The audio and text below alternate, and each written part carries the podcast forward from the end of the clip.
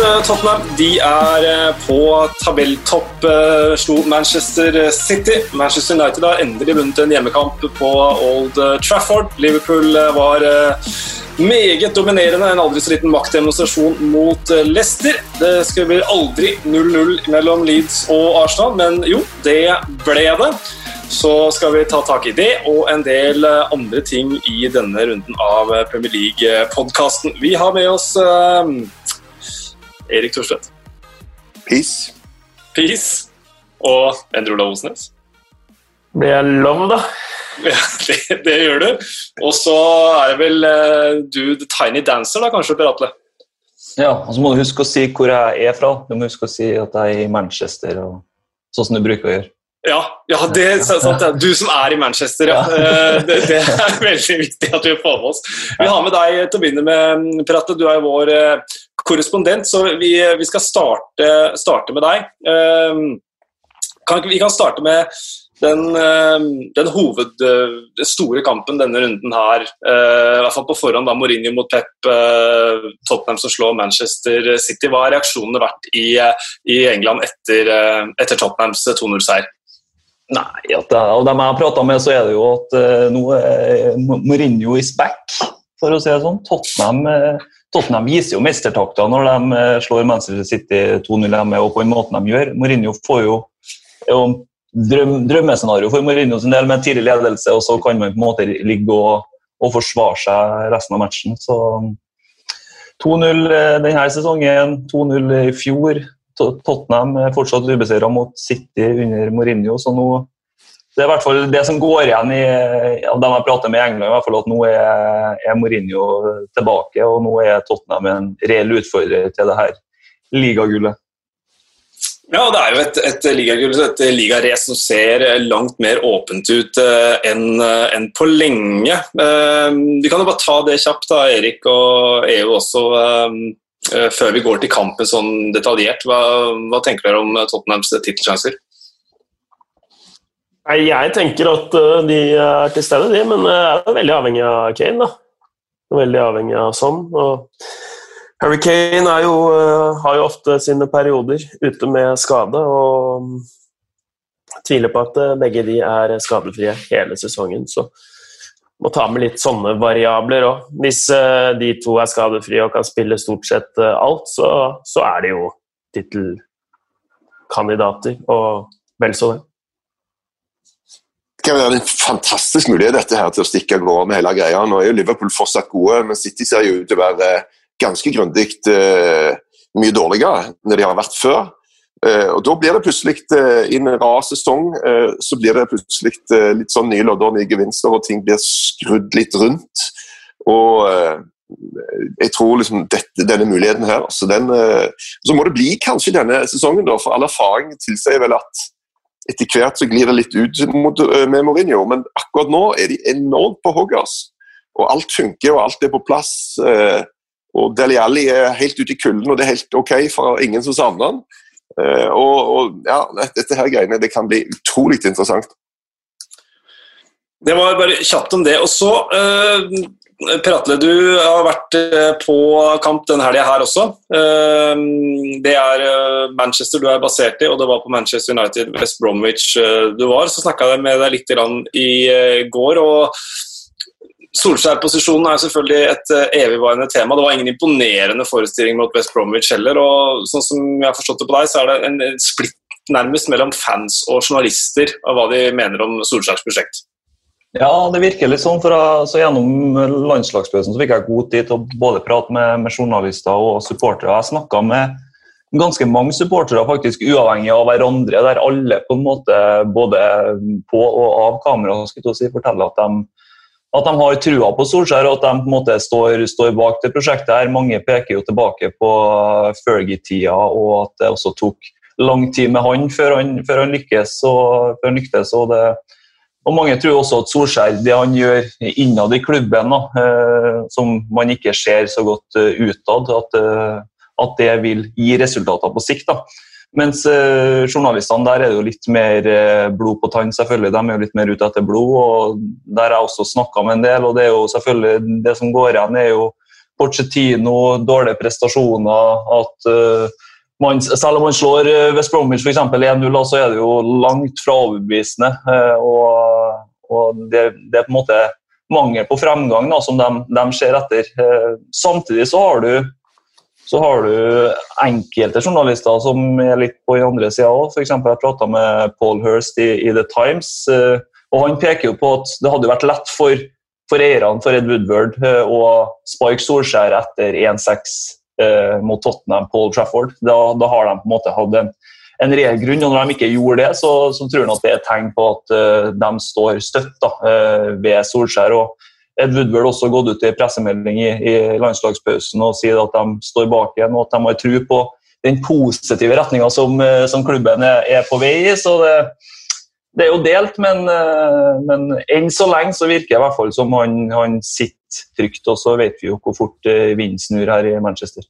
Ja, og så er det sånne pressemeldinger også som uh, ofte kan være sånn kiss of death når, når den pressemeldinga må komme at uh, ja, ok, vi har full tillit til deg, og så går det tre uker, og så har man ikke tillit uh, allikevel. Um, ja, jeg vet ikke hvor, hvor, mye vi skal legge i en sånn pressemelding.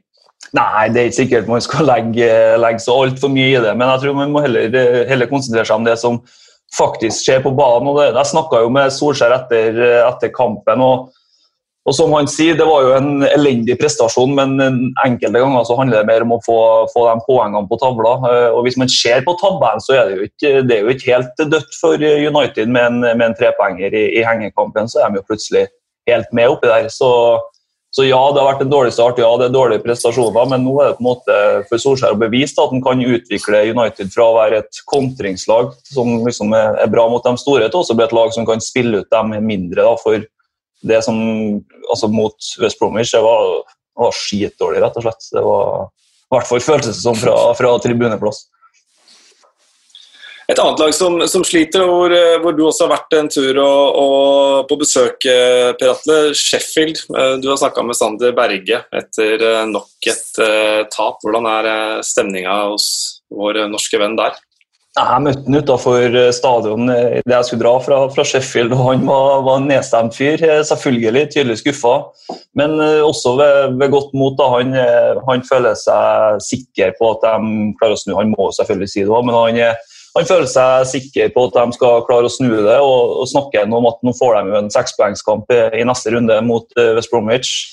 Uh, og Så er det Southampton og, United på rekke og rad. der, så det, det, er viktig at de, at de kommer i gang og, og får, en, får, en, seier. Det sier jo han òg, men han, han, tror at de, at de skal klare å få en seier. Men at det er litt typisk sånn som ting er nå, at marginene bytter litt imot. og at uh, for der der Sebastian Aller kliner ballen i vinkelen, så går uh, skuddet til Ollie McBurney i tverrliggeren. og Det er liksom litt sånn eh, typisk da, for et lag som ligger der Sheffield ligger.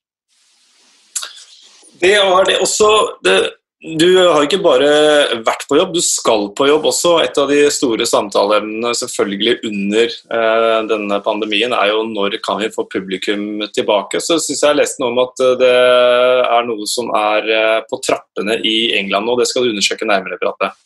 Ja, det skal jeg undersøke litt nærmere denne uka her. For jeg vet at det er vi har en, en, kar i Norge som, som, heter for Jonny, som er i, i front da, for, et, eh, for, et, prosjekt som jobber med å få supporterne tilbake på tribunen i England. Det heter, det heter, Fans Are Back. Eh, det er et ganske stort prosjekt da, med samarbeid mellom eh, store teknologifirmaer i både Norge og, og, i England. Jeg har ikke satt meg helt inn i det ennå, for jeg skal snakke med han Jonny senere, så jeg skal være litt forsiktig med hva, hva jeg uttaler om, så jeg ikke sier noe feil. Men, eh, men, men, målet i hvert fall er at de, han Jonny i samarbeid med, med flere andre teknologiske firmaer har utvikla en app som heter for WeHealth Passport, som skal være en sånn digital helseapp. da, Der eh, brukeren kan gjennomføre hurtige koronatester og så ta med seg denne appen som et bevis da, på at den er symptomfri og, og ikke har smitta. Eh, så det er målet å få implementert det her hos, eh, hos folk eh, rundt om i, i, verden, og så få det godkjent til å brukes på flyplasser, hoteller, fotballstadioner osv.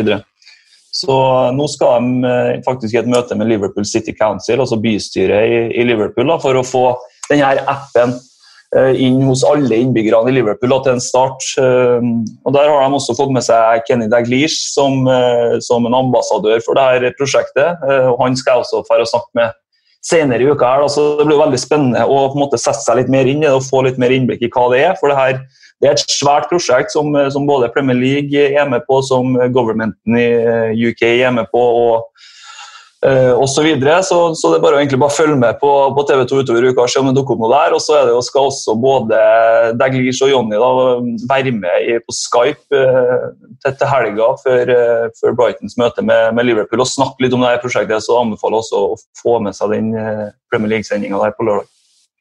Veldig spennende å følge både Kenny og Jonny i dagene som, det er, det er kommer. Ja, jeg håper det er en dynamisk duo som kan, eh, kan, gi litt gode nyheter og litt gode resultater til oss alle. Ja. Du, Terate, tusen eh, hjertelig takk. Vi hører fra deg igjen eh, ved neste korsvei. Strålende å ha deg med, og strålende å ha deg på plass i Manchester. Takk for meg. Kos dere. Takk skal du ha, Terate. Ja, vi hørte jo her nå, gutter. Vi kan jo starte med de kampene som har vært, da, uh, gjennomgangen der, Sotna Manchester City har vært litt uh, innom det. Hørte syns jo Mourinho var Mourinho på sitt beste når han ble spurt om det, det innbyttet han gjør. Og Lo Celso kommer inn, og så sier han Some people will say magic coach. I disagree completely. These things happens. Men Allikevel. Han sier det jo allikevel, da.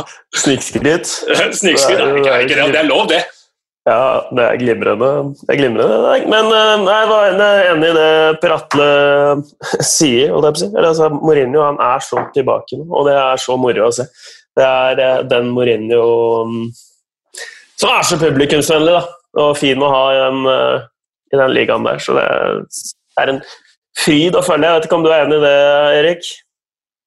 Jo, jeg sitter og ser på et bilde av Mourinho nå. Jeg tror Det er han og, det er bare et lite utsnitt, men jeg tror det er tatt et bilde der han og Høibjerg er sammen etter match.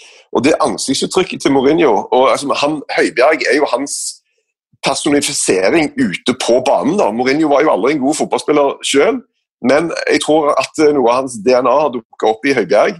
Og at uh, Mourinho bare absolutt elsker det. Og jeg må jo si det at det fra det hvordan det så ut uh, en stund til det nå. Det har han gjort en, eh, en super jobb, og så får vi se om det varer ut. da.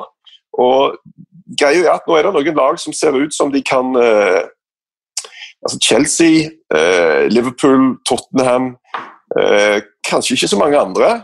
City selvfølgelig skal du ikke avskrive, men, men det er en mulighet her nå. og altså Jeg tror Mourinho som ja, jeg òg har vært blant de som har tenkt at uh, er dette yesterday's man? Og uh, så kan han liksom likevel greie det store. Jeg må jo si at jeg er happy hvis de bare vinner en ligacup. For at uh, så sabla lenge siden. Det var så mye som en bitte liten pokal i det der skapet der. Og, og det, dette kan jo bli en sesong der, der det skjer. Ja, jeg, jeg, jeg, klarer ikke helt å slippe Mourinho-sitatene heller. for Vi snakka om det forrige gang vi var på Zoom her, er jo med The Incredible Pillows, So So Soft. Um, og Han uh, om det, han ble spurt hvordan han syntes det var å være på toppen av tabellen etter, etter kampslutt. og Da skrev han at uh, tonight will be uh, relaxed, uh, nice. Um, han skulle spise litt middag, se på Atletico Madrid, og så skal han sleep like an angel etterpå. Nei, men jeg, jeg, har alltid likt uh, Mourinho, så jeg syns det var uh, leit at han ikke fikk det til i Manchester United. Uh, han er jo Nå er han jo Det virker som han blir godt likt der borte òg, da. Mm. Han har blitt en favoritt. Så har han jo gjort den inntreden på Instagram hvor han rett og slett er ekstremt ekstremt sterk, da. Selv om jeg føler liksom ikke Mourinho passer til å være på Instagram. Så er han det likevel han eh, gode, gamle Mourinho er ikke forsvunnet. Han kommer nok tilbake. Eh, og 'Sleep Like an Angel' Det er vel en del sånne eh, gamle bibelske malerier med litt engler. Litt sånne små, chubby, uskyldige greier med et par vinger på ryggen. Og vi må vel si det, Endre Olav, at det er et visst sprang derfra og til Mourinho. Ja da. Ja da, det, det er nok det. Men vi må nyte det så lenge vi uh, Nei, men sånn eh, Ikke sånn spøk til Eller altså Spøk til side, er det det man sier? Men jeg tror jo noe av nøkkelen her er, liksom, er egentlig Harry Kane, da. Um, fordi de lagene Mourinho virkelig har fått til å fungere, så har han hatt en veldig sånn tydelig uh, midtspiss da, med, med, stor presence, egentlig, som Harry Kane uh, har. Didier Drogba mm. uh, har liksom lyktes, lyktes, med det der. Da. Lukaku var kanskje ikke god nok med ball til å, til å være den. da. Uh, prøvde det litt i Zlatan Ibrahimovic. Jeg tror det er viktig at uh, Harry Kane er uh, skadefri for at det her skal gå. Hvis Harry Kane er skadefri, så, så tror jeg tittelen er rett rundt hjørnet. Chris Sutton var jo ute nå nettopp og mente at når Harry Kane skårer såpass mye og fyker oppover listen over all time great goalscorers i Premier League og sånn, at uansett om han tar igjen Alger og sånn, så kommer han aldri til å være rent som det være den største i hans øyne. Det er for mange ting som mangler. Han har ikke X-faktor. Jeg syns det er utrolig bullshit. Altså, jeg blir mm. bare så mer og mer imponert over fotballspilleren Harry Kaners. Hvordan han har eh, evnen til å oppfinne seg selv på nytt med ulike egenskaper. Og Det andre målet der, som er på en måte Kevin De Braunes eh, Det der han har rullende for å sette fart, fosse gjennom midtbanen, finne folk med pasningene akkurat nå så er faktisk uh, Harry Kane et hakk bedre. Nå Det Brønne nede i en liten uh, dump, men Kane i den posisjonen er bare enormt. Altså. Og hva han greier å finne medspillere. og, og altså Totalspillet hans er bare helt enormt. Ja, altså, han, er jo, han, er jo, komplett i, i angrepsspillet. Sånn, uh, han dropper ned der, som du sier. Når, når, du sier at han er bedre enn Kevin De Brøne akkurat nå, da er det på et ekstremt høyt nivå. da. Fordi det er vel jeg, jeg, tror ingen er bedre i mellomrommet enn Kevin De Bruyne på sitt, på sitt beste. Og, og, jeg er helt enig, der er Harry Kane òg, så har han i tillegg den, den goalgetter-greia si. Da. Så det er egentlig ingenting han ikke Og jeg blir mer og mer imponert over det han gjør altså, med ball. Teknikken, gode spillere. Som er litt sånn Vi skal ikke snakke om teamtalksen hans, som vi jo har sett på Amazon-serien der han er, Det er en vanlig Harry Kane, men vi legg inn den der med 'fucking' i setningen i garderoben før vi skal gå ut på.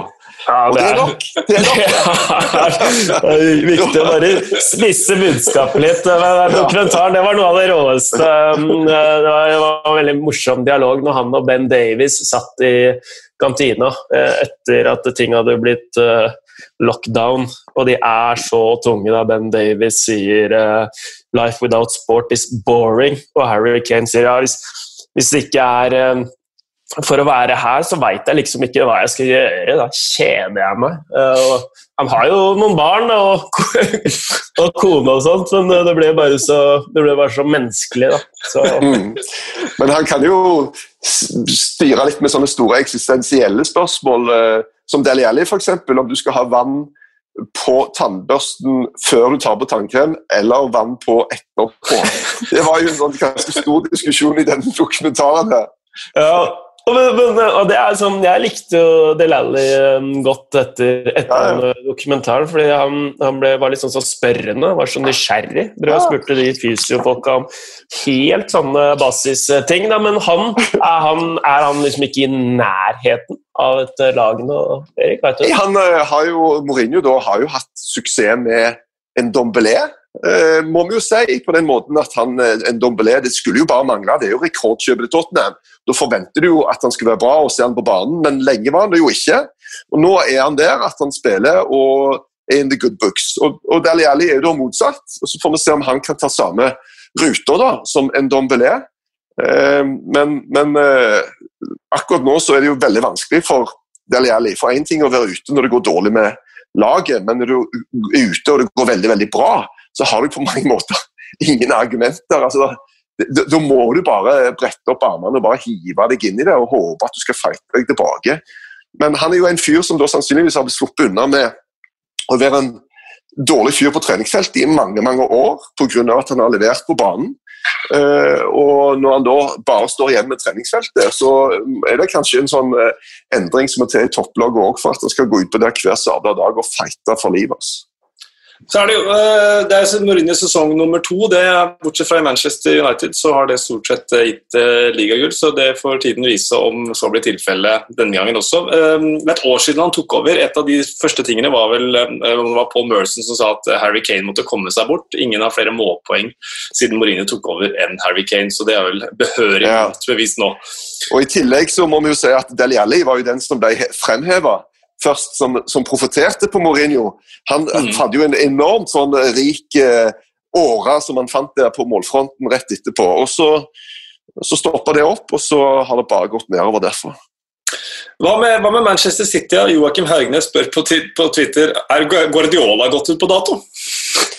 da får vi den. Nei, eh, det kan man jo ikke være. Eh, men eh, jeg må jo si jeg syns det er Eh, dere tok jo opp i studio måten den første skåringen kommer på, at det er sånne helt basisting. De faller ikke av, men jeg syns også det er rart å se Jeg tror det er Bernardo Silva som altså han, han, leder jo en Dombelé mot sitt eget mål. altså Han ligger jo ikke på riktig side. Det virker så det er noe av det merkeligste jeg har sett. Mulig at de, de satser alt på å snappe opp en støttepasning og så kjøre på der. At de er så offensive i uh, hodet, men det, det er jo noen sånne helt basis, elementære ting. og De har hentet inn en uh, stopper. og Når man ser den, den 1-0-skåringen hvordan midtbanespillerne presser da, Det Brøne løper mot uh, Loris sitt mål, Bernardo Silva gjør det. Da er det liksom ikke det, er, det mangler ikke noen gode forsvarsspillere. Da. Det er hele laget som rett og slett forsvarer seg for dårlig. Mm. Men hovedproblemet til City er jo nå at de angriper for dårlig. Altså, De slipper jo ikke inn katastrofalt mye mål, bortsett fra den femmålsmellen mot Leicester. Men, men, det er jo et eller annet alvorlig galt med angrepet deres. Altså, Før denne serierunden så hadde de skåra 17 mål færre enn forrige sesong på dette tidspunktet. Eh, og det er etter åtte kamper, liksom. Og nå er det vel kanskje enda større forskjell. Og, og det er litt sånn interessant, for det Guardiola gått ut på dato er jo på mange måter et litt sånn flåsete, men samtidig helt ok spørsmål å stille. For jeg syns jeg tydelig ser eh, at lag har blitt mye mye bedre til å forsvare seg mot de der eh, som beleirer deg. nå. Før så var det jo sånn at til slutt så gikk det opp i lininga, og så skåra de. Men nå ser det ut til at lag som forsvarer seg med mye folk, har blitt bedre til å stenge igjen de rette kanalene. De, de, de greier å holde det mye lenger. da, og, og, Mens flere og flere har blitt sånne De må ha kontringer. da, Litt sånn som vi prater med United. og Det er en, sånn, en trend synes jeg, som vi ser at uh, um, det sitter i greiene som, som kanskje òg mangler litt energi. altså de, Før var det sånn de var bare som en, flott, en sverm som bare fløy over deg og bare kvelte deg med, med, med løp og initiativ og presisjon. og Med en gang det begynner å gå litt tregere, da, litt seigere, så er det mye lettere for de andre å demme opp. Og, og så må jeg jo si da at, eh, at de, de, de styrer jo selvfølgelig mot Tottenham òg, har jo ballen mest og sånt, men, men uh, skaper jo egentlig for lite og skårer selvfølgelig mye, mye, mye mindre enn det de gjorde før. og da har de trøbbel, altså. Mm. Så veldig spent på den fortsettelsen der. Men nå signerte jo Pep ny kontrakt. Jeg går ut ifra at Messi kommer til sommeren. Men det kan jo bli en litt rar greie hvis så skjer, der han kommer til et lag som kanskje er på eh, ikke det det engang var, og Messi er vel kanskje heller ikke en del ting som tyder på at han òg er, liksom den naturlige evolusjonen for en spiller som blir eldre og har begynt der. da. Men, men, men jeg, jeg, tror jo at dette kommer til å skje. Så, og, og, at det var en av grunnene til at Pep faktisk signerte. Mm. Det blir jo fryktelig spennende å, å se. Det er, det er, som du er inne på, Erik. De har jo 22 avslutninger i den kampen, her, men bare fem på mål. Det satt jo helt igjen med en mm. følelse av at Tottenham hadde kontroll. Altså, at De ja. var egentlig aldri stressa. Og, uh, vi kunne snakka om den kampen her i sikkert en time, altså, men uh, bare trekke sånn Høibjerg, du snakka om personifiseringen av Mourinho for en kamp han spiller midtstopperne. Altså, det er bare så bra over hele linja da, fra, fra Tottenham i den matchen her.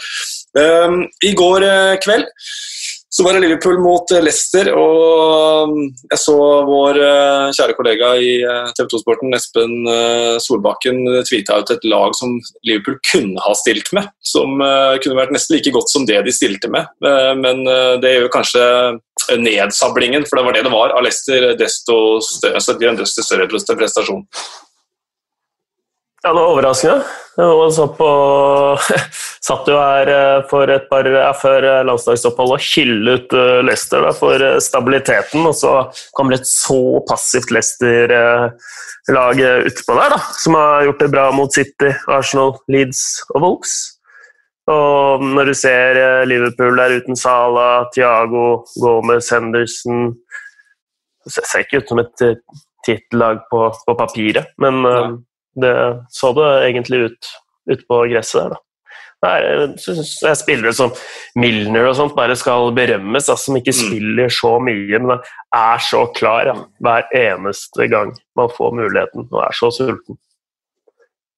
Ja, Johnny Evans han, eh, han som starta skåringsballet, han er oppe i seks selvmål. Han, og nå nærmer han seg Carriger og Skautel på den uh, lite heldige um, statistikken over flest selvmål i nyere tid. Uh, det ble en ny, satt en ny rekord i går også, en uh, som vår kjære Kasper skriver. Tenk at det går an å slå en rekord satt før 1992. Ikke til å tro. Jeg vet, man, jeg, vet, ikke om han mente å rime, men det gjorde han i hvert fall. Det var jo da 64 strake hjemmekamper uten tap. Og for å ta med det også, Diogo Shota med, med skåring i fire hjemmekamper på rad. det underbygger vel bare det vi var inne på her nå, med at uh, imponerende med den, uh, med den, skadelista, og så har de funnet gull i Diogo Shota. Ja, litt mm. Ja, jeg bare, jeg bare kommenterte Portugal i landslagspausen. Så det var bare fascinerende å se at han, eh, de skulle møte Frankrike i en viktig, uh, viktig, kamp der. Så det var fascinerende å se at han ikke var bra nok for å starte den kampen da, for uh, Fernando Santos. Han, han, hadde fire sånn. Bernardo Silva, Cristiano Ronaldo, Joao Felix og Shota. Og bare tre av de kunne starte. Så da var det de tre andre. Så det var bare en digresjon. Så god han er for Liverpool nå. Og så blir Bernardo Silva, Cristiano Ronaldo og Joao Felix uh, brukt foran. Det er greit, det. Litt drypp fra landslagsoppholdet. Ja, ja, ja. ja. For å ta, digrere enda videre, da, så hvis vi skal forsvare Santos, så var vel Bernardo Silva som drev det landslaget der for to år siden. Men Bernardo Silva er ikke den Bernardo Silva han var for to år siden. nå for øyeblikket. Så hvis, hvis jeg tolker deg riktig, og syns det var rart at ikke Shota starta, da følger jeg i hvert fall på den.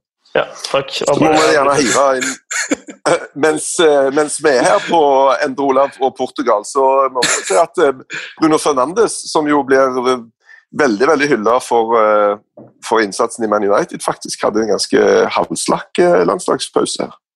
Helt enig. Det er uh, godt fått med deg, uh, Erik. Synes, han, er ikke, han var ikke noe bra på landslaget, det er så. De snudde det mot Kroatia, og da var han bytta ut til pause. Da kom de tilbake og greide å vinne den matchen. Kanskje vi skal lage en egen sånn landslagspod? Egen Portugal-pod.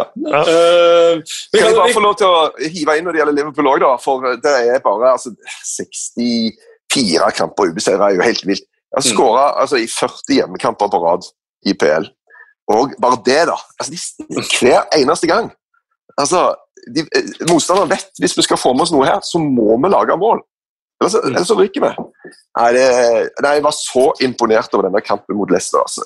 De bare, altså, fra første sekund Forskjellen i topplokket på de to eh, lagene her var bare klokkeklar umiddelbart. Det ene, ene, laget var bare så mye mer bestemt og intenst at det, de, Leicester var egentlig ikke nære. De var ikke det, de er, eh, men de er fortsatt bare to poeng bak eh, Liverpool, så henger med Leicester, som har Fullham i neste kamp. For Liverpools del så er det Brighton, Wolves og Fullham i de tre, tre neste. Så um, det tittelrestet det kommer til å være åpent en uh, stund til. Du var inne på Bruno Fernandes, så da tar vi den Portugal-linken og flytter oss til Old Trafford, uh, Erik, hvor Manchester United ikke imponerte, men tok tre poeng. Ja, og det ble jo litt bedre. Andre omgangen var vel litt bedre enn første. Og jeg, jeg sånn, tenker at den gamle klisjeen om at av og til er poengene det viktigste, det var virkelig tilfellet her. da. For nå, Denne kampen måtte de vinne. Jeg hadde spilt seks kamper på rad på Old Trafford, da, inkludert i forrige sesong, uten å vinne. og da, da bygger det seg opp, og da har de vært veldig gode borte, men det nytter ikke. Denne West Brom hjemme, den må du ta, altså. Og Som vanlig så er West Brom ikke så enkle å løpe over. De er godt organisert og de holder det gående, men de kollapser alltid til slutt. Og eh, i dette tilfellet her. Så eh, det, det var De gjorde nok eh, Man United, og så kommer Basakshir på, eh, på, eh, på besøk i Champions League nå. Det er òg en match de forventes å, å vinne, som jeg òg tror de kommer til å vinne. Og, og da bygger du deg opp eh, litt sånn seire på rad igjen, vil jeg tro. Ja, Du kommenterte kampen, eh, Endre. Uh, noe du observerte gjennom din intense måte å følge den matchen på? Ja, det var Jeg vet ikke om det var Erik eller Brede som sa at det var som å se på maling tørke da, i, i pausen der. Og det var det, det, var det virkelig. Uh, igjen. det har vært mye sånt med Manchester United hjemme. Altså, de blir stående og energiløst. Men andre omgang ble jo veldig veldig morsom. Da. Og da bidro Da gjorde de, som Erik sier, nok. Så er det noen situasjoner der som de også skal være glad for. Manchester mm. United Det er jo Gallagher som blir blir jo felt av Bruno Fernandes, men Bruno Fernandes er da nok på ball da, i den situasjonen. Akkurat som Solly March var for uh, Brighton mot mm. Aston Villa, så ser du det blir en uh, legg mot legg, eller en kakk på leggen, som Jeg syns det er rart at man går bort til skjermen og gjør, gjør om det da, i begge de to kampene, men mm. tydeligvis så trumfer det å være nok på ball i de situasjonene der. Så at uh, det hadde vært frispark, men ikke, ikke straffe. Da. Og så, og så, går jo da Manchester United opp og Mata, som jeg syns har vært gøy å se. Et skikkelig lyspunkt for Manchester United, som da, da skaffer straffe like marginalt. Da. Uh, det er liksom ja, det som blir matchavgjørende. Så skal det også sies at West Bromwich sin keeper eh, var glimrende, Sam mm. Johnstone. Så de kunne nok fått mer her òg, men de er heldige som ikke havner under da, Manchester United. Mm. Ja, Så skuffa ut altså, etterpå. Justin Johnson han var ordentlig betutta over den strafferedninga som ikke ble strafferedning. Du er jo det er ikke akkurat noe revolusjonerende å si at du er gammel keeper, Erik. Hva tenker du om den, den, den regelen? Ja, det var landskampen for Norge òg. Ja. Sluppet inn mine mål. Jeg trodde du var back, Det er min claim to fame. Jeg har sluppet inn mål i samtlige land i Europa. Så, men eh, nei, altså reglene har jo da hele veien blitt endra til keepernes fordel.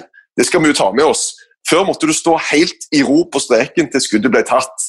Og, og nå kan du hoppe litt rundt, og, og så lenge du har én fot på streken, så er det greit. Og, og jeg, jeg syns det er litt rart at han Sam Johnson faktisk jeg så det umiddelbart at dette kommer til å bli tatt om igjen. Altså det, det, var mm. klokkeklart. Så, det, det, kan du ikke gjøre. Altså du må finne deg en annen teknikk. Du har sett noen starte bak streken og så gå fram. Et eller annet. Men det kan ikke være sånn at når du gjør redning, så er det bare bankers, du blir tatt på ny.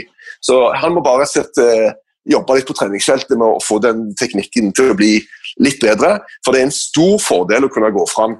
Altså, det skal ikke så mye til. 40 cm gjør en enorm forskjell på vinkelen. Da. Det er mye mye lettere å få skåra av skuddet når du er litt foran streken.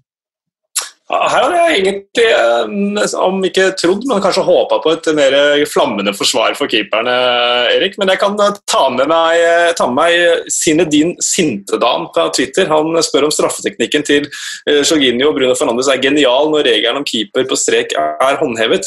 For redde keeperen så har han i mange tilfeller forlatt strek, og man får ta straffa på nytt. Og så spør han bør det være tillatt med stopp, hopp, snurring og rulling når keeper må stå på streken. Men eh, da er du litt spent på rulling og snurring, egentlig. Hvordan, hvordan ja. det vil utføres. Det er mer strandhåndball enn uh, en fotball. Det der er jo Det er så enormt mange altså Du, du vet jo at uh, Fernandes og Jorginho og sånn, de hopper. Uh, så, så da må du jo hvis du da eh, vet at de hopper, men likevel ikke greier å holde deg på streken, så uh, igjen må du jobbe bitte litt med teknikken din. Men, men som sagt, uh, i og med at du da uh, har fått lov til å gjøre en del ting da, som keeper på straffespark som du ikke fikk lov til tidligere, så føler jeg jo at egentlig så er oddsen bedre for å redde nå enn de har vært noen gang. Mm. Problemet er bare at de som skyter straffene, har blitt så sabla mye bedre. De har jobba med det. Den her gode gamle og det er bare tilfeldig, du kan ikke trene på det, det er så spesielt når det er match, det er et annet type press, bla, bla, bla. Eh, ikke sant? Her har de, satt, her har de virkelig jobba med saken. Uh, Geir Jorde er jo en norsk straffesparkekspert som har gjort mye med dette her greiene her. Og så har de rett og slett bare blitt sabla mye bedre til å skyte straffer. Så uh, skåringsandelen har jo faktisk gått opp, selv om keeperne har fått mer og mer fordeler.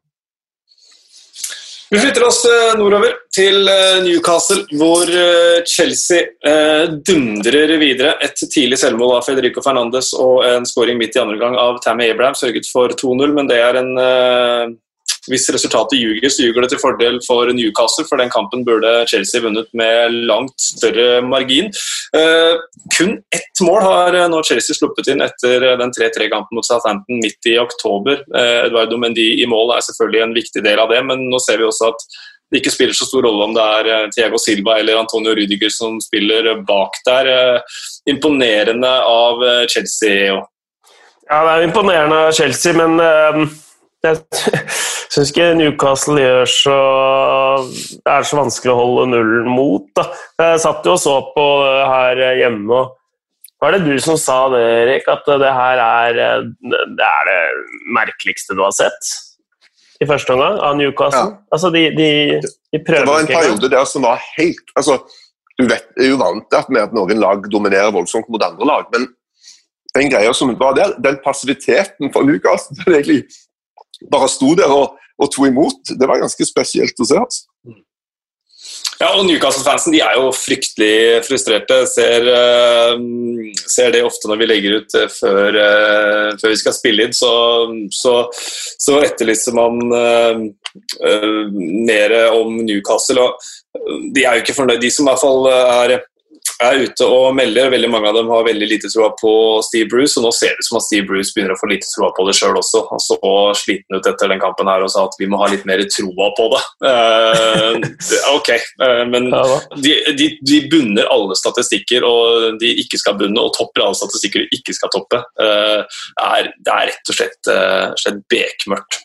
Ja, og når de ikke har Callum Wilson i tillegg, så er det jo veldig Det er jo liksom lyspunktet i Newcastle. Det er at han mm. har vært god etter at han kom dit. og Han er en klassespiss. De skal være meget fornøyde med at de eh, klarte å få tak i eh, godt. Men når ikke han spiller heller, så, så, er det tøft. Men eh, de har jo liksom holdt på sånn nå, da! Eh, I flere sesonger nå. Ja. Og kommet unna med det. Så under Benite så husker jeg rigget meg for å se um, Manchester City, Newcastle Eller var vel Newcastle Manchester City, men altså, de, hvor de ikke de prøver ikke å spille fotball engang mm. før uh, gått ut i andre omgang. Så, så, det er jo ikke noe nytt, det her. Uh, og de klarer jo liksom å få poeng her og der uh, til at det her blir, blir greit. Da. Og det er jo et godt forsvarslag, så jeg tror det her, eh, det her eh, Jeg har trua på at Newcastle klarer å beholde plassen, men, men det, er noe, det, er ikke noe, stor underholdningsverdi der. Det er det jo ikke. Nei, men Jeg har jo spådd død døde fordervelse over dette laget her lenge, i og med at alle underliggende statistikker viser at dette her er bånn i Premier League. Men, men, likevel så må vi jo bare gi dem kred for at de eh, til dels spytter i trynet på disse greiene og, og har så mye poeng som de har. Og Du kan bare spole langt ned på tabellen og se hvor få poeng de som ligger helt nederst, har. Mm. Så eh, De har denne rare evnen med å bare Til dels ganske ufortjent, men her og der bare stikke av gårde med ting.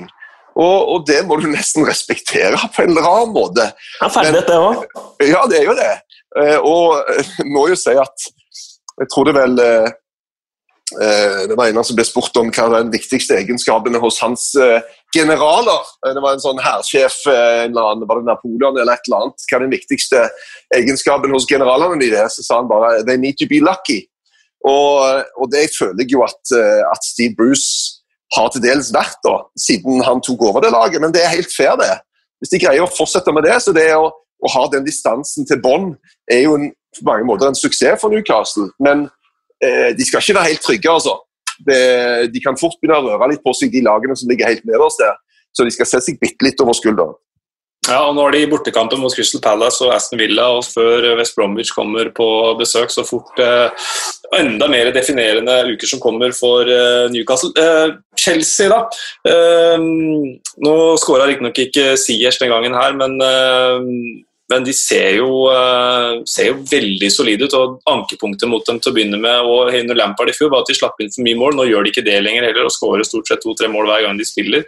Uh, vi snakka om Tottenham som tittelkandidat, og jeg uh, vet at de ble lansert i forrige pod med Huse og Simen også, så de er jo absolutt tittelkandidater, de også. Ja, og det er jo også det man lurte på med med de eh, signeringene, så har det vist seg å ha truffet veldig mm. godt. Da. Og det er jo ikke noe garanti i det. Timo Werner, Siers, Chilwell Mendy mm. Alle har gått uh, sømløst inn i laget.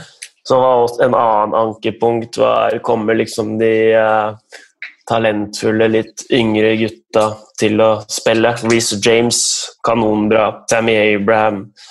Eh, synes det, ser veldig bra ut. Så har de jo Kanté, som bare er fantastisk uh, bra frekvens på, og Kovacic uh, også. Mason Mount det er, det, er en fin miks av verdensstjerner, litt yngre, sultne unggutter. ja.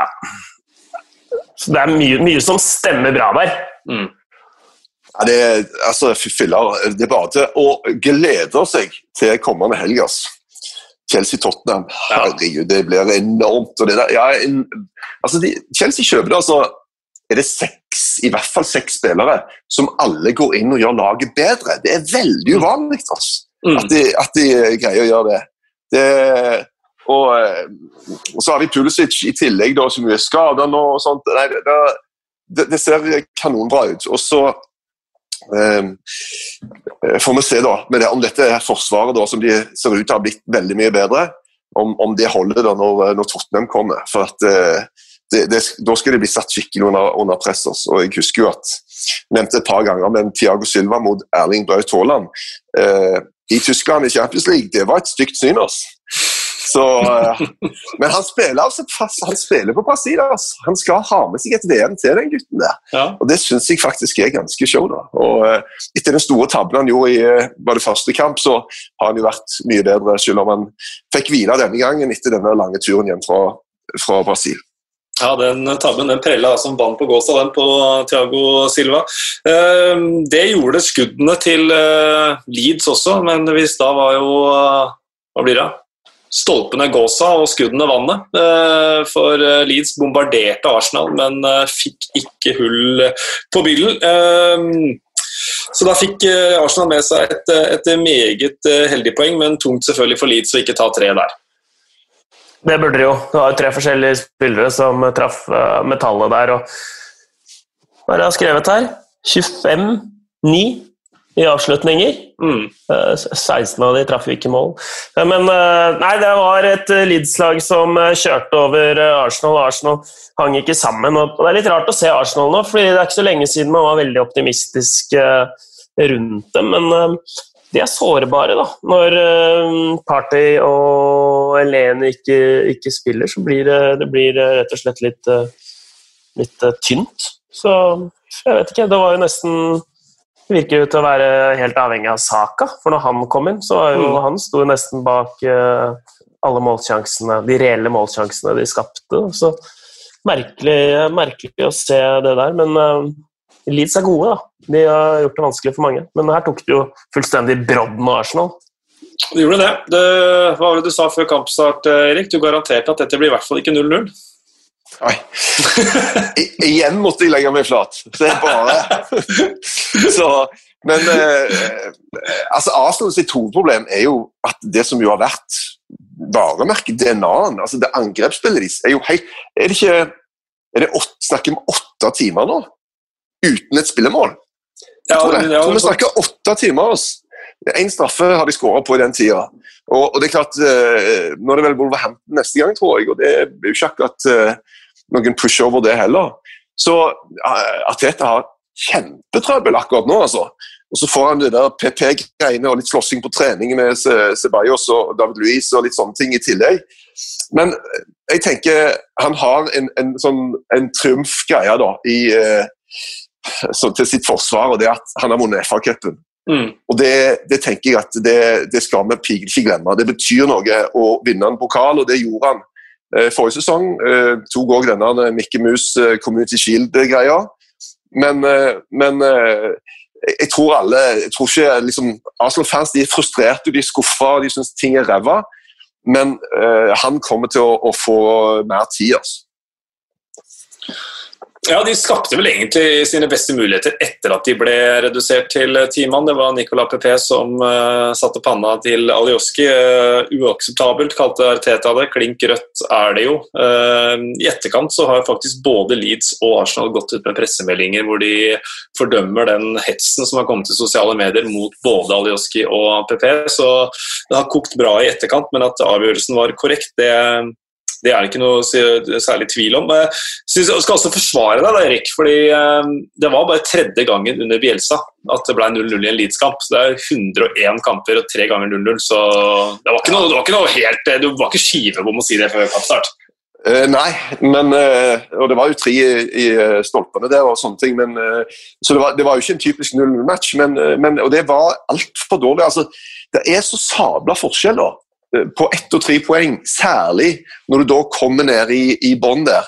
Eh, for, for Brighton og disse lagene her som ofte spiller uavgjort og sånn, du må hente noen trepoengere. Og det var en skuffelse altså, for Leeds at de ikke fikk det i denne kampen, her, for det hadde de fortjent. Og, og Vi vet jo at Leeds kommer til å gå på noen stygge smeller, det har de gjort noen ganger. og Det er litt sånn enten-eller-lag. Men, men denne her skulle de hatt tre poeng. Men det rare var litt som du sier med Arsenal, da, kanskje når Leeds pusher på, de vet at dette er en kamp de må vinne, spille 11 mot 10, så blir det jo bedre plass for Arsenal til å gjøre det de kan best. Og Saka, da, eh, igjen fy filleren. Altså. Signeringen av han og Aubameyang på, på nye kontrakter kom jo omtrent samtidig. Og, og jeg vet da søren hvilken som er viktigst, altså. Men eh, Saka er bare en, en enorm spiller. Der han, Aubameyang han eh, sliter tungt. Spør Silje Svendsen om det er noen som har oversikt over hvor mange forskjellige posisjoner Dallas har bekledd hittil i år? Det er et godt spørsmål. ja. Det er, sånn, det er jo sånn at Leeds-spillerne ofte de, spiller den posisjonen som motstanderen tar i. Mm. Så hvis motstanderen springer der, så spiller de der. så, så de løper jo litt på kryss og tvers overalt, egentlig. Men eh, men eh, det var litt show å se at eh, eh Rodrigo syns jeg så bra ut når han kom inn. Mm. Så det er litt en fyr vi gjerne ser på banen. Så er det også en eh, Arsenal-supporter Espen Øvig som skriver klink rødt på PP, men bør ikke dommer gi gul kort for overspilling også? Det har vi vært innom tidligere. Der kunne man jo sett til eh, det som eh, gjøres i andre idretter, hvor man faktisk får en advarsel for å, for også overspille. Men øh, sånn er det en gang. Alioski gikk enkelt i bakken, PP ble utvist. 0-0. Ars Leeds har da 11 poeng. Det er det samme som, som Newcastle, faktisk, men det er likevel en ganske forskjellig vibe rundt de to, øh, to klubbene. Et annet sted hvor det har vært eh, kjempestemning før landslagsperioden. Eh, og det var kjempestemning inn mot forrige landslagsperiode også. Aston Villa de tror jeg må hate landslagsperioder mer enn noen andre lag. 7-2 over Liverpool før forrige, 3-0 over Arsenal før den her, og så ned på jorda igjen med 2-1-tap hjemme mot Brighton. Ja, de eh, gjør det stort sett. Det så jeg faktisk en statistikk på med fare for at jeg blander, men jeg tror det var Aston Villa at de gjør de gjør um, veldig variable og uh, ofte underpresterer etter landslagspausen, bare for å styrke det mm. poenget ditt, uh, Ven. Men uh, de er jo litt avhengige av Ross Barkley, mener jeg, da. så når han går av med, med hamstringskade, var det det?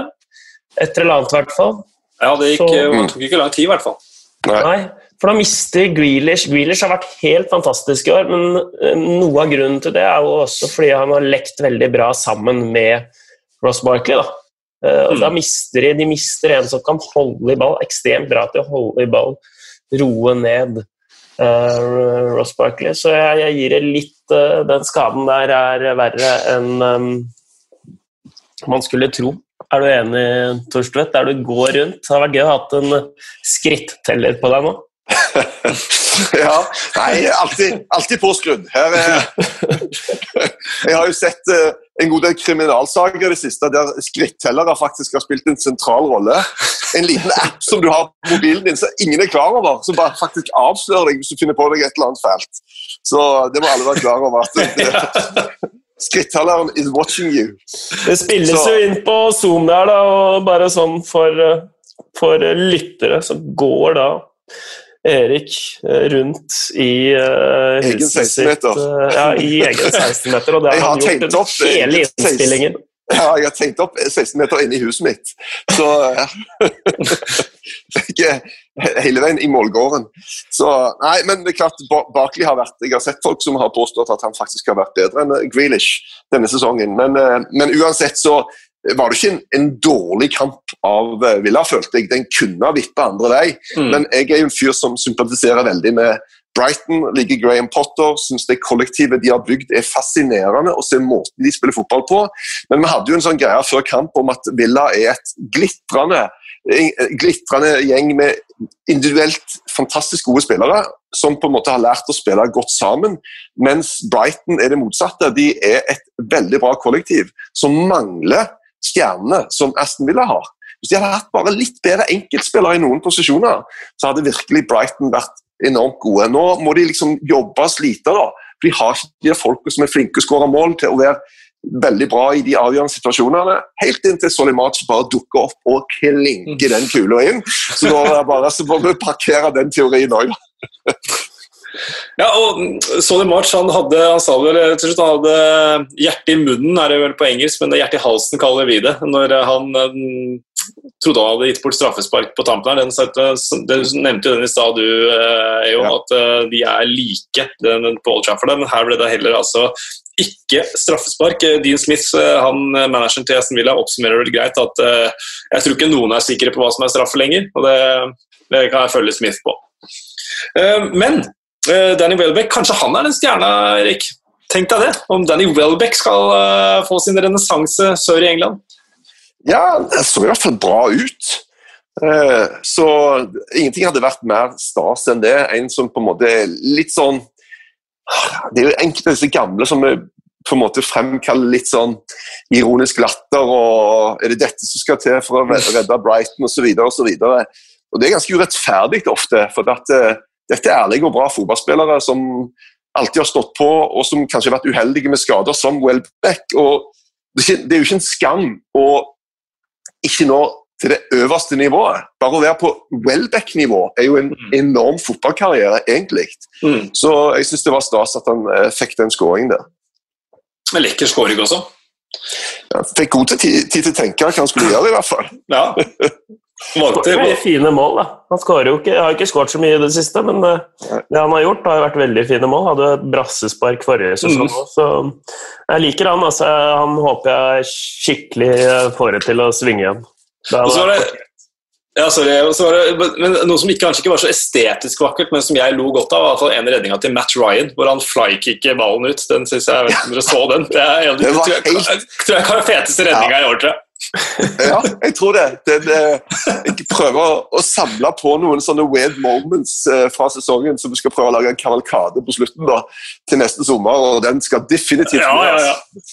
ja, det er så ukonvensjonelt som du får det. Det var, eh, det var stort av Matt Ryan som eh, Det var viktig redning også.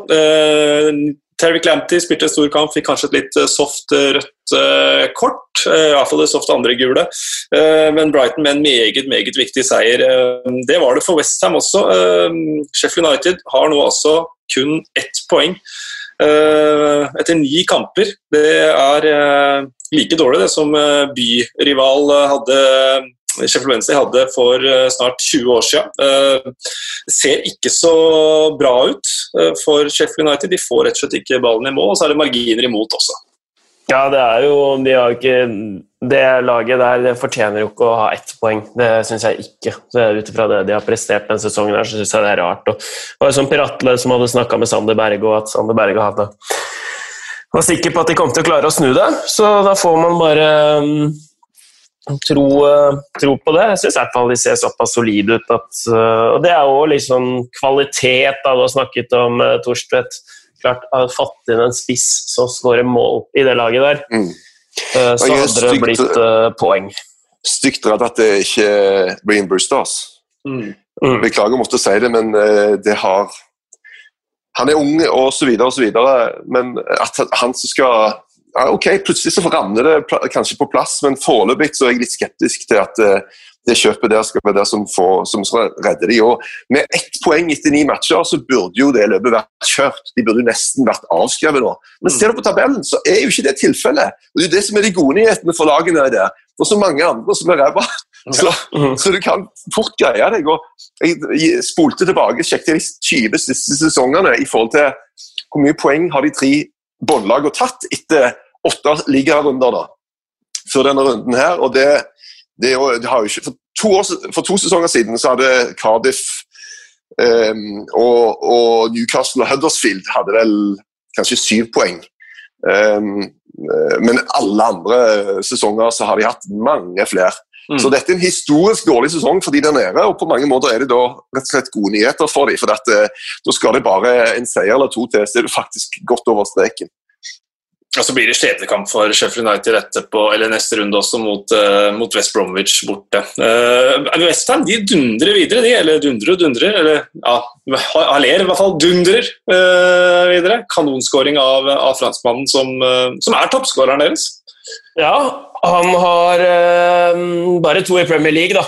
Men Ja. i alle turneringer så, så er han det. Han har seks skåringer uh, nå. Så det her var den beste um, Apropos dårlig starter, da. For Sheffield Mm. United så er den beste starten Westham har hatt siden 15-16-sesongen da, under Slaven Bilic, hvor de kom på syvendeplass. Da hadde de 17 poeng etter, etter um, ni runder. Nå er det 14. Men uh, det du sier Jeg vil si at de bare kjører på, altså, Mm. Espen. Fordi jeg så Jeg kommenterte den kampen her, så jeg leste meg jo litt opp. Og da så jeg at eh, de har ut ifra tabellposisjonen eh, forrige sesong, da, så har de da eh, hatt den tøffeste terminlista.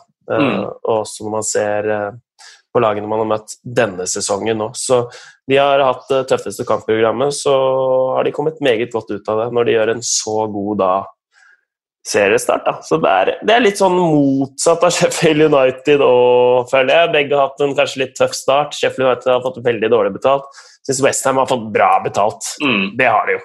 Ja, det har de eh, definitivt. Og, og klart seg bra uten Michael Antonio også. Tatt eh, to seire de siste år. En av de seirene var mot eh, Fulham. Fulham de eh, skulle prøve å ta poeng mot Everton. De. Det så stygt ut etter 40 sekunder, for da var første ball i nota bak eh, Areola. Så kommer de tilbake, får en utredning ved Decordova Reed, Calvert Lewin med en ny skåring. 3-1 til Everton ved Dokoré.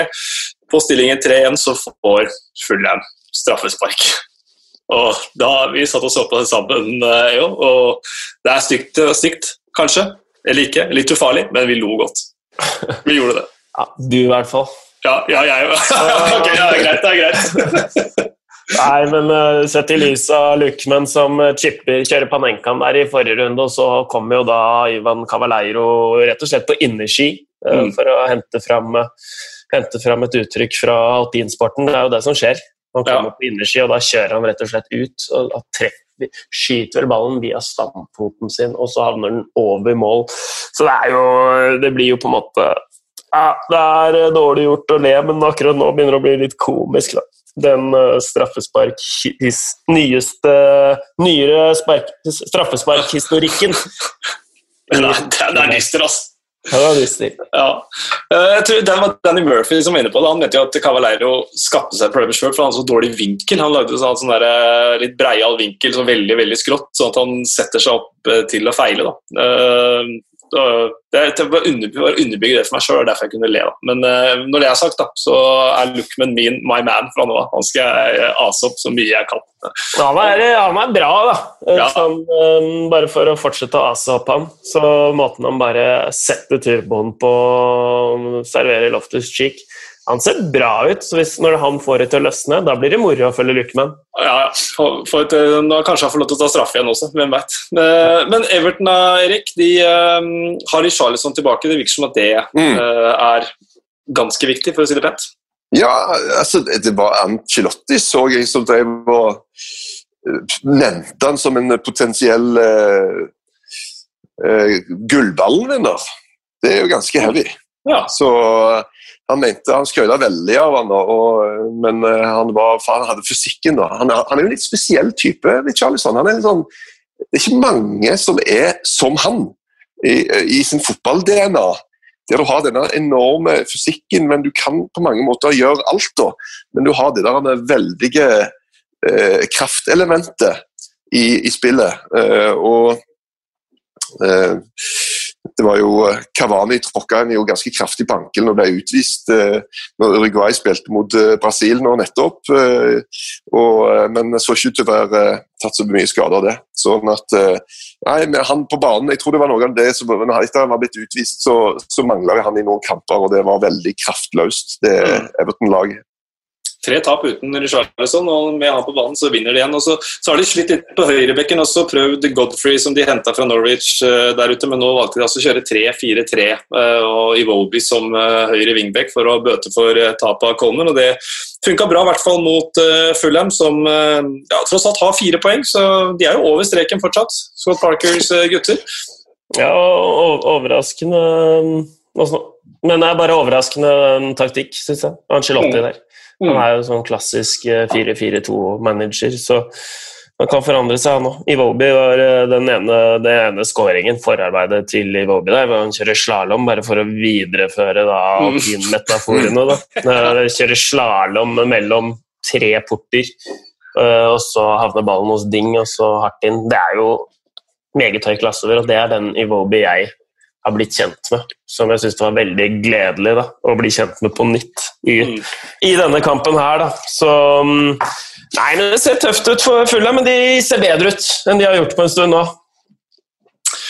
To kamper i kveld. Burnley mot eh, Crystal Palace og Wolverhampton mot uh, Southampton. Tar et uh, resultattips uh, der etterpå. Skal du i aksjon i kveld, Jo? Nei, ikke, ikke, som jeg vet. Nei da, jeg skal ikke det. Men det skal, eh, det skal, altså de nevnte lagene. Eh, en ting som har vært snakka om, jeg skal bare ta en, eh, en sånn litt sånn generell greie før vi, før vi, går til de faste spaltene. Det er dette her med gjeninnføring av fem bytter og større kamptropper. For der er det en heftig diskusjon. Og så Michael Arteta han var ute og snakket om det mentale aspektet ved spillere som da eh, ikke får reise med laget og er i isolasjon pga. koronaprotokoller og alt mulig sånt noe. Eh, mente at det var eh, en viktig del av det. Eh, Klopp også, veldig irritert på TV-kanalene. Fordi TV-selskapene fordi de må spille Oi, nå tror jeg vi mista Erik her, så da er det oss to foreløpig. Men det jeg skulle si, da, er det med Arteta Så sier Chris Wilder, da det er jo et skille her mellom de store klubbene og de mindre klubbene om de skal ha fem bytter eller ikke. og Chris Wiley mente vel at uh, sympatien ikke var så innmari stor fra hans side. Hvis Manchester City spiller onsdag kveld i Ytre Mongolia, og så må spille 12.30 på lørdag, så må de spille 12.30 på lørdag. Og hvis det er en fordel for oss, jippi. Det var Chris Wilders uh, take på det. Ja. Um, du har jo spilt på et høyere nivå enn meg, EO. Eh, hva, hva, har du å si til kampbelastning, ut fra det du kjenner? Ja, til kampbelastning er undervurdert hvor mye ja. det har å si. Men uh, det er også fordel. Um, forskjell på stallene, troppene, budsjettene. Og når man spiller ute i Europa, så bør man også ta, ta um, høyde for det når man uh, har spillelogistikk. Så det er en grunn til at Manchester City har en bredere og større stall Pep Guardiola enn det Chris Wilder råder over. Så det er på en måte litt urettferdig òg at de med størst bredde skal få lov å bytte flest ganger òg. Men uh, jeg støtter Chris Wilder i denne saken her, faktisk. Og nå er jeg faktisk Erik Thorstvedt tilbake igjen. Ja, størst bredde. Det er størst bredde i panelet her, det er deg, eh, Thorstvedt. Skulderpartiet ditt det overgår uh, oss uh, ganger fire. Men, uh, ja, det er deilig å ha deg tilbake, da, Thorstvedt. Vi, vi, savnet deg litt, faktisk. Du merket det, Espen? Det var et tomrom ja, ja, det var det, det var det. som måtte fylles. Men nå, det er så mye kaos her. Anyway, men jeg hører dere godt. Det er jo det viktigste. Ja, ja, ja. Du, eh, vi var bare kjapt innom dette her med bytter og gjeninnføring av fem bytter. De har gjort det i, um, i IFL, altså i Football League, uh, men ikke foreløpig i Premier League.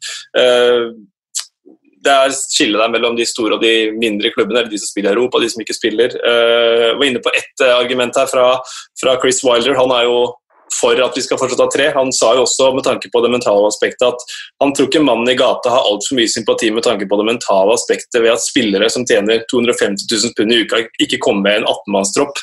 Det er tullball i min bok, skrev Chris, sier Chris Wilder. Ja, det er litt interessant at, eh, at, det er en slags splittelse her. og Vi hører jo og, har veldig ofte fokus på de store klubbene, men det er jo flest av de, av de andre. Uh, og uh, det er jo også sånn at mange av de som, som uh, maser veldig mye om mer, inn, mer innbyttere, de, de, bruker ikke alle innbytterne under match engang, som de faktisk kan. Det er òg et annet aspekt. Men jeg forstår veldig godt at, uh, at uh, de største klubbene vil gjøre det. og Det er nok en kilde i irritasjon at de ikke får alle med seg. men det er kanskje liksom ene, en av de få mulighetene de små har da, to get one over the big ones. Mm. Eh, der vil det være delte meninger sikkert eh, blant eh, managerne og helt sikkert blant supporterne også. Det er nok kanskje delte meninger om de faste spaltene også. Vi skal ta de fort og gæli. Det var moro å se på. Morata var kjempegod. Hva i all verden? Han snakka om seg sjæl, han snakka om dommeren. Vi kan begynne med kaktusen, for den den er vel egentlig ganske klink til Nicolas Pepé denne runden der? Jeg syns det blir litt sånn Det er så klokkeklart at det, det blir litt sånn klisjé. ja, ja, men det er veldig klisjé å være altså, Det er jo ikke en voldsom provokasjon han får. Det er jo helt håpløst, det han gjør. Ja, ja, det er det, men det er liksom sånn, det er så obvious å gi han denne sabla kaktusen, da. Ja, det det. og nå har han fått masse, kjørt seg masse i sosiale medier, så skal han få kjørt seg her i tillegg. Det syns jeg blir feil, altså. Espen? Ja, Det syns ikke jeg, men uh, i og med at dere er to, så får det komme et bedre forslag. Ja, Hva foreslår du da, Erik? Ja, Jeg foreslår uh, uh, Mike Dean. Jeg fatter ikke denne avgjørelsen med denne hensen. Altså. Det, det, det, var bare en veldig rar greie. Jeg forstår det ikke. Den Han brukte 20 sekunder på å se på denne skjermen sin og komme fram til noe som, men, uh, ja, men uh, det der var jo hens. Det sier jo Kevin De Brøne og Erik. At, uh, at det, ja, selvfølgelig at den var borti hånda, det ser jo alle. Spørsmålet var hvor, hvor den var i armen. Ja, Kevin De Brøne sa jo det. Hva er din betegnelse på ei hånd? At den treffer armen, det, det var ikke noe problem å, å se. og det Altså, det, jeg vet ikke hvor mange minutter vi brukte på å studere de bildene, men vi greide ikke se at den traff armen. Vi så igjen og igjen fra mange ulike vinkler. Så sier de da, eh, når de går av, at ja, han er borti, men han er altså over det som de regner for å eh, nå være hens. Um, og uh, jeg forstår bare ikke hvordan han i løpet av de sekundene kan ta den avgjørelsen. Og Da skal det være en, en altså, clear and obvious mistake. Altså. Men OK, da ja. fikk jeg ikke med på den. Da går vi videre på lista. Ja, da er kaktusen da Da har du litt folk bak deg, det er litt gøy. Ja, jeg kom, med kom junior. Jeg visste at du, jeg, jeg prøvde å ta komme med, det hørte jeg ikke, men jeg Henrik kommer etterpå. Ja, det er greit at, greit at uh, kompiser kommer, skal få holde navnene skjult av personvernhensyn, men uh, det går bra. Sånn er det når man spiller inn hjemme i stua, da kommer barn hjem fra skolen. Alioski, ja. Fordi han uh, kaster seg når PP er borte igjen. Ja, ok. Jeg kan være med på den, men uh, da fordi kjørt seg han òg. Jeg, har sterke meninger. Jeg kan godt gi den til, til alle de tre. Dere kan bestemme, dere. Ja, Erik, du får, du har, eh, du har, eh, du får vetoretten her. Da blir den til Mike Dean, da. Mm, ja, det var jo ingen stemning for det, da. Så, så lander vi jo på klisjeen, da. Gi en, en klisjémessig kaktus til PP, da. Ja. Klisjeer er, eh, det er en grunn til at klisjeer er klisjeer, det stemmer ofte. Øyeblikk, ja. Jeg, jeg, jeg, jeg, kan ikke noe for det, men jeg har Matt Ryan sin redning. Jeg syns det er rundens øyeblikk. Jeg syns den er så fet, den redningen. Jeg, går for straffen til fulle, altså. ja, nå er, nå er det klovnete øyeblikk her. Ja. Hva med deg? Kan du uh, få balansert oss inn på en mer seriøs retning, eller uh, gjøgler vi videre? Syns jo Iwobi sin, sitt forarbeid da, Timo Werner sitt eh, forarbeid. Det var noen fine øyeblikk der. Men eh, for meg tar jeg den eh, Sebastian Aller faktisk, som, står- som står stillestående og måker ballen opp i krysset. Den er grei. Og blir matchvinner for Sheffield United. Koselig øyeblikk og var bare sånn eh, Etter at Kevin Lewin har skåra et av sine mål, så kommer midt i jubelen så kommer James Rodriguez og gjør han oppmerksom på at du har fått noe på kinnet ditt. Så, må han da, så, så vasker han det vekk, og så løper vi tilbake og så spiller vi videre. Det var bare en surrealistisk greie. Han liksom midt oppi alt det der Du, Calvert, du har fått noe på kinnet ditt. Ja, men, men det, er jo, det er jo det gode venner gjør. For det er jo sånn Hvis du går ut med smekken åpen eller en buse i nesa, eller noe, så skal jo folk si fra til deg. Det er jo det er enormt av Hames Rodriguez. Ja, ja Hames Rodriguez er kanskje mer enn eh, gjennomsnittlig opptatt av det eksterne. ja, han ser bra ut. Han gjør det. Han gjør det. Eh, hva med blomstene, gutter? Forslag der? Um, blomster Skal vi gi det til Det er lett kanskje å gi det til Harry Kane, eller går det an å gi det til James Milner, som altså ikke starta en Premier League-match på Anfield på over et år, og så går han bare inn og kjører det opplegget der? To assister på ham. Mm. Syns det. Ja, Blomst her. Ikke ukjent helt. Det kunne, James Miller kunne kanskje vært ukjent helt.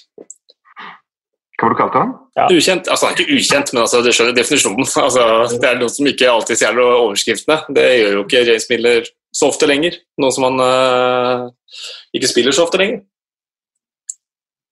Nei, ikke det. Ikke alle James Miller ukjent helt. Det går ikke. Nei vel. Nei, vel. Nei, Jeg er enig. Det er mye motbør her nå. Jeg tror jeg skal Ja. Men eh, ja, Blomster det har jo eh, altså, Ok, Blomster James Miller, da. Men uh, ukjent helt, da. Det er jo en del ukjente helter um, rundt omkring, da. Så nå ble jo jeg Det ble ikke Milner, altså, så da må vi ha en ny der. Det er jeg helt, helt enig i. Vi sier den, gir den til um... Nei, Kan ikke du ta det nå, Erik? For jeg har brukt opp, eh, jeg har brukt opp min. Kommer ikke på noen ukjente helter. jeg, Altså. Det er liksom Hvor ukjente skal de være? Eh, Jeg syns jo Aller sitter på benken, vært i pasningsskyggen nå til Mikael Michael Antonio lenge og står fram og bare tar opp, eh, tar opp hansken. Kanskje fortjener det. Så glad han ble når han skåra. Ja. Ja, han blir kjempeglad. Men en annen eh, som imponerte meg, er jo da Alex Teles, som gjør sin Premier League-debut. Han er jo ikke ukjent, men jeg syns han ser ut som en meget bra meget bra back. ja Det. Hvis vi, altså, vi, vi treffer et isfjell her. Hvis, eh, hvis ukjent helt, det handler jo også like mye om de som kanskje ikke da, tar oppmerksomheten eh, hver runde. for Vi vet jo hvem stort sett de fleste er. Men uh, jeg hadde egentlig Eric Dyer. Jeg, jeg synes han har vært eh, Han får jo ikke, får ikke nødvendigvis de største overskriftene, men er, har vært eh, strålende den siste ja, hele sesongen, egentlig. Sam Jonestone, som da var eh, i Manchester United og aldri fikk sjansen der, som var veldig nære å holde eh, buret rent. Men han blir jo på en måte ikke noe helt da, når de ikke får, gjør ikke med seg noe poeng. Det er kjedelig. Ukjent funka bra lenge, resonnementet. Ja, Ukjent antihelt. Uh, nei, vet du hva, jeg trumfer gjennom Eric Dyer igjen. Så får være venner med meg hvis dere vil det. Uh, fem kjappe til slutt, gutter. Uh, resultattips Burnley Palace. Jo. 1-0. 1-1. 1-1. 1-1, ja. Det blir ikke Burnley-seier. Erik? Så tar jeg 1-0. Oi, oi, det blir Burnley-seier. Uh, Wolverhampton Southampton. 2-3. 2-1 til Wolverhampton. Én borteseier, en hjemmeseier der. Hvem havner øverst på tabellen av Tottenham og Manchester City? Uh, Tottenham. jeg ser jo Tottenham. Hvem blir toppskårer i Premier League? Sånn hang min! Sånn hang min! Sånn hang min! Det er noen kommentatorer som har vært over England og kommentert Tottenham, og som havna på sida av sørkoreanske kommentatorer, som bare gjennom uavbrutt gjennom hele matchen bare sier 'Sånn Hong-min, Son Hong-min. Da ble han toppskårer. Jeg tror, jeg tror Calvert Lewin har uh, mange mål i seg denne sesongen. her. Hvem blir første manager til å få sparken? Det er ingen som blir sparka ennå, så det spørsmålet kan vi bare gjenta til noen blir det. Scott Parker. Og eh, det blir nok uh, slaven Bilic. Parker eller Bilic der også. Ja, jeg tenker um, De faste spaltene denne uka her, gutter, det er, tror jeg det lukter på terningkast én. Enig? At vi er svake der? Ja, der var vi svake i dag. Ja, vi var dårlige. Vi må opp Ja. der neste gang. Ja, må det. Eh, du har noe med denne menneskelige kontakten som du får rundt et bord, ja og bare mangler. Altså. Så det får fram det verste i oss. det gjør det. det, gjør det. Jeg sett eh, Jeg liker det utsnittet jeg har av deg nå, Erik. Det ser selvfølgelig ikke folk, men eh, det er fra nesa opp. Det, med, altså, med solskinn på. Så av, avslutte med en solskinnshistorie. Det er veldig, veldig, fint. veldig har et, et kors i fjeset mitt, Ja, det er det, det er akkurat det du har. så vi legger inn et lite bibelsk tema helt på slutten her. Ja, det er veldig gledelig å, å se symbolbruken til eh, Erik Thorstvedt. Tusen takk til eh, Håkon, som har sittet og hørt på røret nå i eh, en drøy time i moderne media og hjelper oss med å spille inn eh, dette her. Takk til deg som lytter. Gå inn på iTunes og gi noen stjerner. Gi oss ris og ros på Twitter også hvis du vil det, så høres vi igjen senere. Takk for følget.